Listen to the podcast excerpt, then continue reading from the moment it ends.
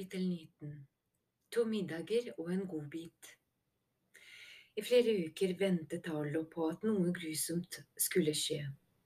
Han skjønte at han måtte være på vakt, for noen et eller annet sted ønsker ham død. Hver morgen våknet han før vekkerklokken ringte, og ble liggende og stirre i taket mens han funderte på hvordan det kom til å skje. Han var ganske sikker på at de ikke ville sende flere vettelys. Indra hadde satt opp en liste over overnaturlige skapninger hun trodde kanskje kunne sendes ut for å drepe ham. Alt fra flyvende ulver til skyggeslanger og øreedderkopper. Etter å ha bladd gjennom Kullmanns bestiarium begynte han å sove med en bomullsdott i hvert øye, bare for sikkerhets skyld. Han var litt i tvil om det faktisk ville kunne stanse en sverm med sultne øreedderkopper, men det kunne gjøre det litt vanskeligere for dem å spise opp hjernen hans. Ved hjelp av de nye knutene Arlo hadde lært, lagde han et tau som var langt nok til å rekke helt fra vinduet og ned til bakken. Han oppbevarte det nederste skrivebordsskuff og trente på å feste det kjapt til radiatoren. Han gjettet at han kunne ta seg ut på under 20 sekunder om han måtte. Men en morgen, mens Arlo lå og stirret i taket, innså han hvor lite sannsynlig det var at en skapning ville sendes ut for å drepe ham hjemme. Som den gangen Connor og Katie forsvant, ville et mystisk dødsfall vekke for mye oppsikt og bli en altfor stor nyhet. Indre var enig. Den som prøver å drepe deg, ønsker nok å gjøre det i det stille. Det var derfor de sendte Vettelys første gangen. Det ville ha sett som en ulykke, som om du snublet ned i en gammel felle. De satt rundt leirbålet på sitteplasser av tettpakket snø, og snakket om hvordan det kunne henge sammen. Jonas og Julie var bortreist til bestefarens begravelse i Tukon så de, flere, så de fire patruljemedlemmene Hvis jeg skulle drepe deg, ville jeg ha gjort det innenfra, sa Vu. Jeg ville ha fått en av vennene dine eller et familiemedlem til å gjøre det. Kanskje ved hjelp av trolldom, foreslo Connor. Alle hekser er jo i stand til det. Dessuten finnes det padder som klarer å styre folks tanker. Hvis du skulle gjøre det, hvorfor ikke bruke en dobbeltgjenger Indre forklarte at en dobbeltgjenger var en ansiktsløs formskifter som kunne overta identiteten til et hvilket som helst menneske. For alt vi vet, er en av oss en dobbeltgjenger som bare venter på at du skal sovne, så vi kan kvele deg. Da Indre oppdaget reaksjonen hans, skyndte hun seg å legge til. Men vi er ikke det, altså. Vi er på din side. Absolutt, sa hun. 100 Arlo trodde dem. Dessuten hadde han en sterk fornemming om hvem dobbeltgjengeren kunne være. Jessie hadde nemlig begynt å oppføre seg veldig rart. Arlo hadde lagt merke til at hun iblant smilte uten grunn mens hun tørket oppvasken med et drømmende blikk i øynene.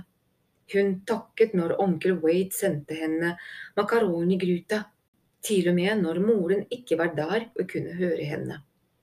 Hun dusjet lenge, barberte leggene og begynte å pakke et håndkle rundt hodet, som folk gjør på film. En gang kunne Arlo sverge på at han hørte henne nynne. Dette var ikke søsteren hans, Arlo var nesten overbevist om at det var en dobbeltgjenger som prøvde å oppføre seg som en vanlig tenåring, men som ikke visste at den ekte Jussi var utrolig humørsyk og kaldt så gretten at hun kunne irritere seg over en regnbue og vende blikket surt bort. I alle fall måtte JC være forhekset eller styrt av en overnaturlig padde. Noen få dager etter lærturen kom Marlo over søsteren mens hun snakket i telefonen. Den gammeldagse på kjøkkenet. Jo da, snøen var for dyp til at hun kunne traske ut til signalklippen men det virket veldig lite sannsynlig at Jesse skulle gå med på å bruke onkel Waits rare fasttelefon som luktet brent plast. Men der satt hun, på kjøkkenbenken og snodde ledningen rundt fingeren mens hun snakket. Arlo prøvde å tjuvlytte, mens han forsynte seg med en skive ost fra kjøleskapet.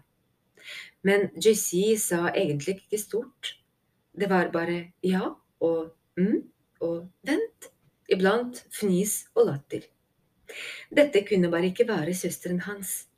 Han ville gjerne fortelle moren om mistankene, men også hun oppførte seg snålt. Helt siden bilulykken hadde hun virket merkbar lykkeligere, noe som var rart, for alt var verre enn før. Å få reparert bilen ville koste tusenvis av dollar, penger de ikke hadde.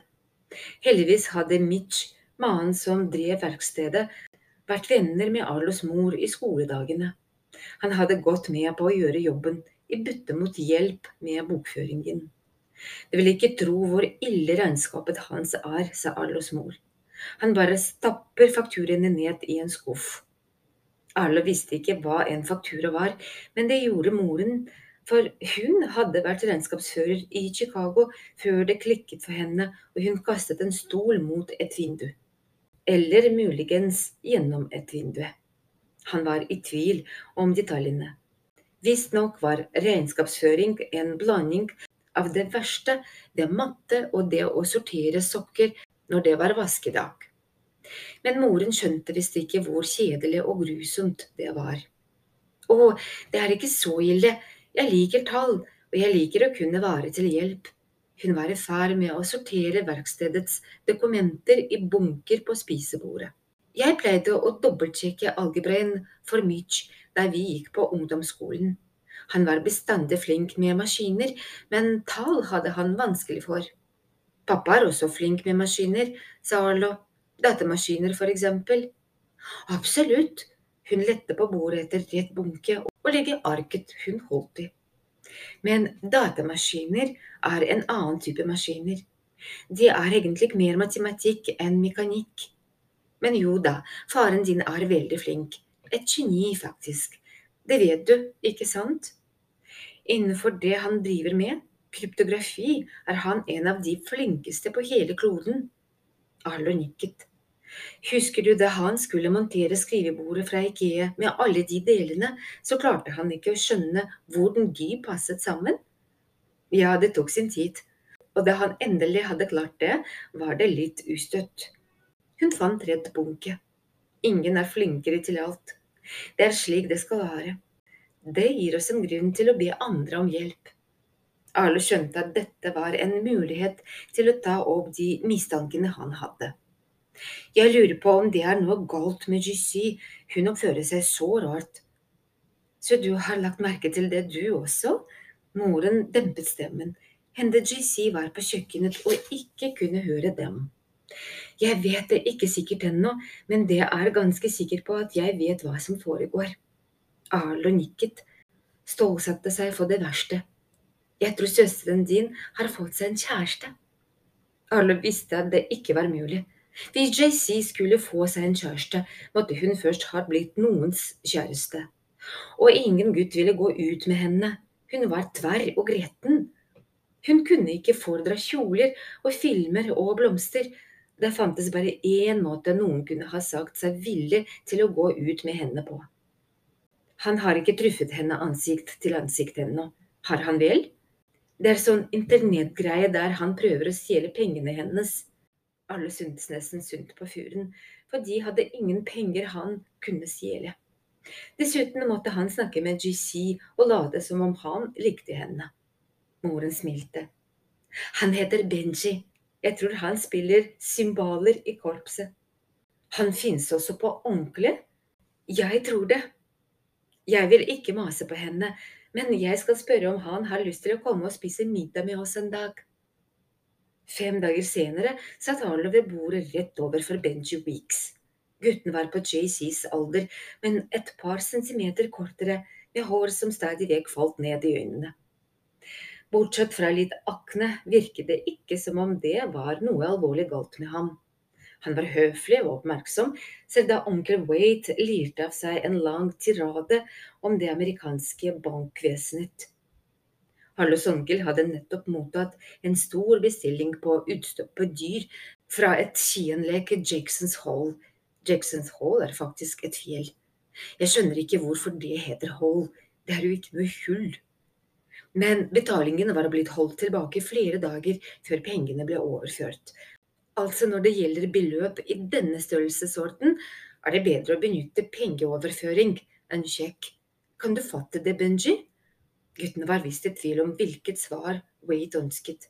Nei, men det var det de sa. De ville visst heller ha en haug med tilfeldige tall enn en god, gammeldags sjekk. Spør du meg, er det videospill som har skylda. Mange av dem har ikke engang omslag lenger. Hvordan kan man vite at man eier noe når man ikke har noe å sette i hylla? Heller ikke dette virket som noe spørsmål det var mulig å svare på. Og filmer, ikke snakk. Alle passer på å ikke si noe som kunne få ham til å begynne å snakke om filmer. På et tidspunkt rett etter middag og før desserten var Arlo ganske sikker på at JC og Benji holdt hverandre i hånda under bordet. Hvorfor gjør de det, spurte Vu mens de spiste småkaker hjemme hos Indre neste dag. Hva var det som var så stas med hender, de er svette og ekle. Det er ikke alle som har svette hender, sa Indra og skjøv småkakene bort fra ham. Det er kanskje noe feil med deg. Indres far, doktor Shirivans Indres far, doktor Shirivansa Sagram Jones, tok et nytt brett med småkaker ut av ovnen. Det heter hyperhidrose. Det er veldig vanlig. Svettekjertlene er veldig konsentrert i hendene. I et tørt klima i Colorado er det kanskje til og med en fordel. Ser du, jeg har utviklet meg til et supermenneske. Med svette mutanthender. Arle skjønte at Indras far kanskje kunne hjelpe ham. Doktor S, hvis du skulle si om noe var et menneske eller ikke, hvordan ville du avgjøre det? Doktor S. Jones tok spørsmålet på alvor. I minst ti sekunder sto han urolig med stekespaden i hånda. Så forklarte han, jeg ville vel kanskje ha undersøkt refleksene deres. Det er veldig vanskelig å styre slike automatiske reaksjoner, f.eks. hvordan noen reagerer når de blir skremt. Selv om alt tydet på at JCs rare oppførsel skyldes en tenåringsforelskelse, ville Arlo være på den sikre siden så den kvelden hukte han seg ned i gangen utenfor Jussies dør. Nøye med å stå stille, slik at ikke gulvplankene knirket. Han lente seg mot veggen og sto på lur i halvmørket. Drakk pusten inn lydløst. Han så på klokka. 18.27. Bare tre minutter til middag. Moren ville rope når som helst og be dem komme ned og dekke på bordet. Men 1830 kom og gikk uten at noe skjedde. Alle bestemte seg for å fortsette å vente. Da klokka var blitt kvart på sju, begynte beinet å verke, og dirre. Han lurte på hvordan løver klarte dette, å sitte stille og holde øye med byttedyret i timevis på savannen. Det var rett før han ga opp hele greia, da han endelig hørte moren rope nedenfra.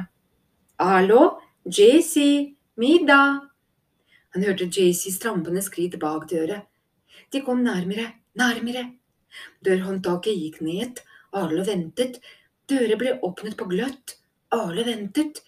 Jaycee kom ut gjennom døra. Arle slo til med et høytlydt brøl. Søsteren skrek av redsel, som snart ble til raseri. Ditt vesle kryp! Hun dyttet ham tilbake. Jeg skal kverke deg! Så barnslig! Hun trampet av sted ned trappa. Arle lo på gulvet, lettet over å ha oppdaget at søsteren ikke var forhekset, fjernstyrt eller en hemmelig dobbeltgjenger. Hun ønsket å kverke ham av helt vanlige søskengrunner. Da Arlo gikk ned trappa, ventet han nesten på å få se JC klage til moren over det umodne peket hans, men i stedet fikk han se en fremmed i spisestua. Mannen var kledd til jeans og kraftige arbeidsstøvler. På baksiden av jakka hans sto det Pine Mountain Verksted over et bilde av en tegneserielastebil med enorme hjul. Jesse stirret på mannen med det samme skumle blikket hun hadde sendt onkel Wade da han hadde sagt at det ikke var internett i huset. Da hun snudde seg og så på Arlo, vendte også mannen seg mot ham. Du må være Arlo. Jeg heter Mitch. Jeg er en venn av moren deres. Mitch så ut som Supermanns motorsyklistfetter. Han var høyere enn Arlos far, men også bredere, både over skuldrene og rundt livet. Riktignok hadde han ikke noe skjegg, men det virket som om han strevde med å skaffe seg et. Rundt venstre håndledd hadde han syret et tørkle. Arlos mor kom ut fra kjøkkenet bærende på grønne bønner og poteter. Jeg ba Mitch på et hjemmelagt måltid.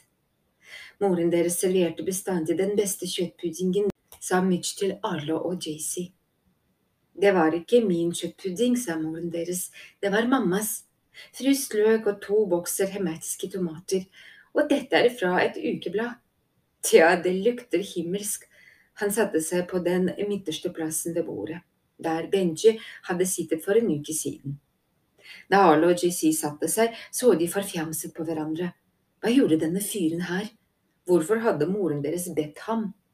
Onkel Wade kom akkurat idet maten ble sendt rundt. Han hadde en egen evne til å dukke opp først etter at all jobben med å lage i stand til middagen var gjort. Han nikket til gjesten. Mitch.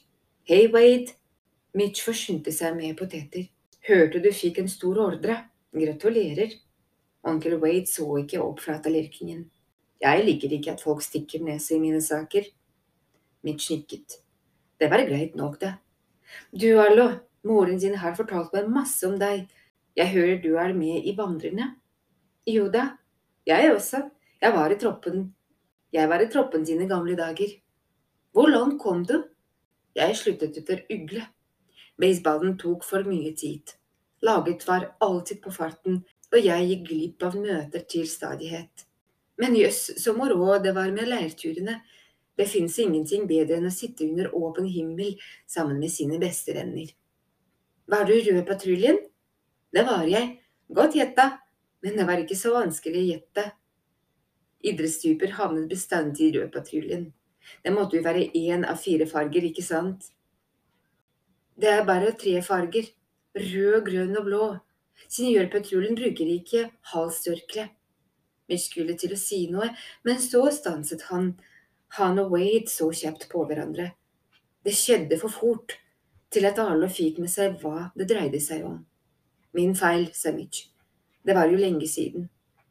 Resten av middagen stilte ikke Arlo flere spørsmål. Ikke høyt, i alle fall. Men det var mange som svirret rundt i hodet hans. Var onkel Wade og Mitch i vandrere sammen? De var omtrent hjemgamle. Alle kunne ha spurt der og da, ved bordet, men der ville han ha risikert at Wade begynte å legge ut på ny om et eller annet han mislikte. Hvorfor så onkel Wade og Mish så rart på hverandre? Men akkurat da var det som om de hadde et slags felles mål. Sett det fantes en fjerde patruljefarge? Ikke nå, men der Mitch og onkel Wade var med i Vandrerne. Alle tenkte på det første vandremøtet. Den kvelden hadde han hatt på seg Waits uniform og puttet halstørkleet i lomma. Hvilken farge hadde det hatt? Gult? Han hadde ikke sett det siden den kvelden hadde Wait tatt det tilbake. Til dessert var det eplesmuldrepai med is. Alle spiste opp fort og ba om å få gå fra bordet. Da han var trygg på at ingen så ham, åpnet han kjellerdøra veldig forsiktig, slik at hengslene ikke skulle knirke. Han skrudde på lysbryteren. Den nakne pære nederst i trappa lyste opp. Kiste der onkel Wade hadde oppbevart uniformen, lå under noen andre esker, men Arlo klarte å grave den frem. Det var fremdeles ulåst etter sist gang, for noen uker siden. Oppi den fant han de samme minnegjenstandene som forrige gang, vimpler og notatbøker, steiner og morsomme kjelevarmere, men ikke noe halstørkle. Nederst i kista lå det et lite skinnetui. Det var tungt, i forhold til størrelsen, med knippelås og en hempe til å feste bakerst i beltet, som et pistolhylster. Skinnet var gammelt og kjørt, særlig rundt metallstykkene, så han var forsiktig da han åpnet det og gjorde sitt beste for ikke å ødelegge det.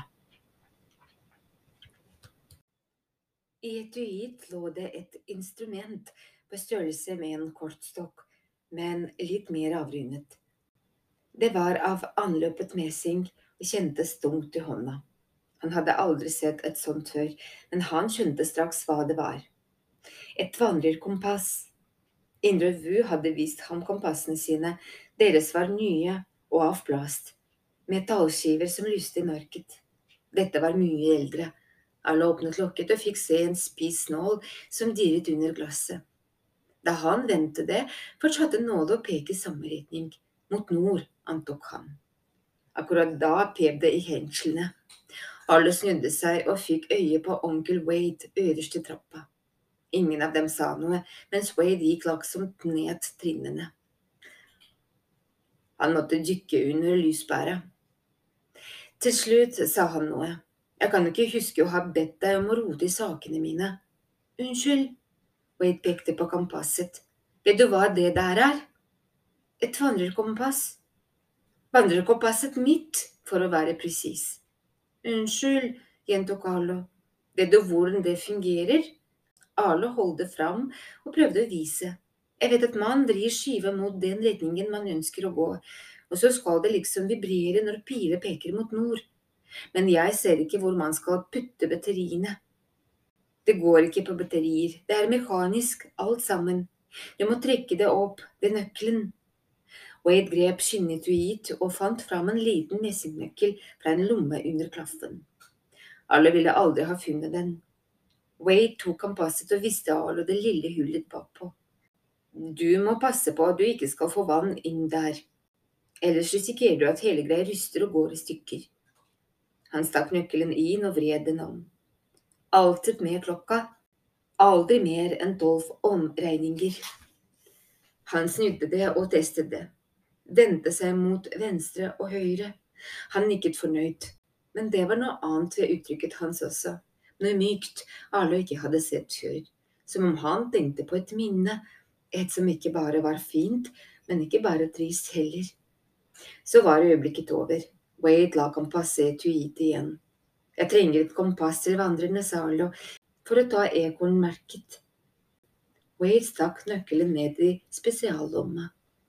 Jeg har ikke lyst til å spørre mamma om et, for de er ganske dyre. Wade lukket etuiet. Men kan jeg låne ditt? Jeg skal ta godt vare på det, jeg lover.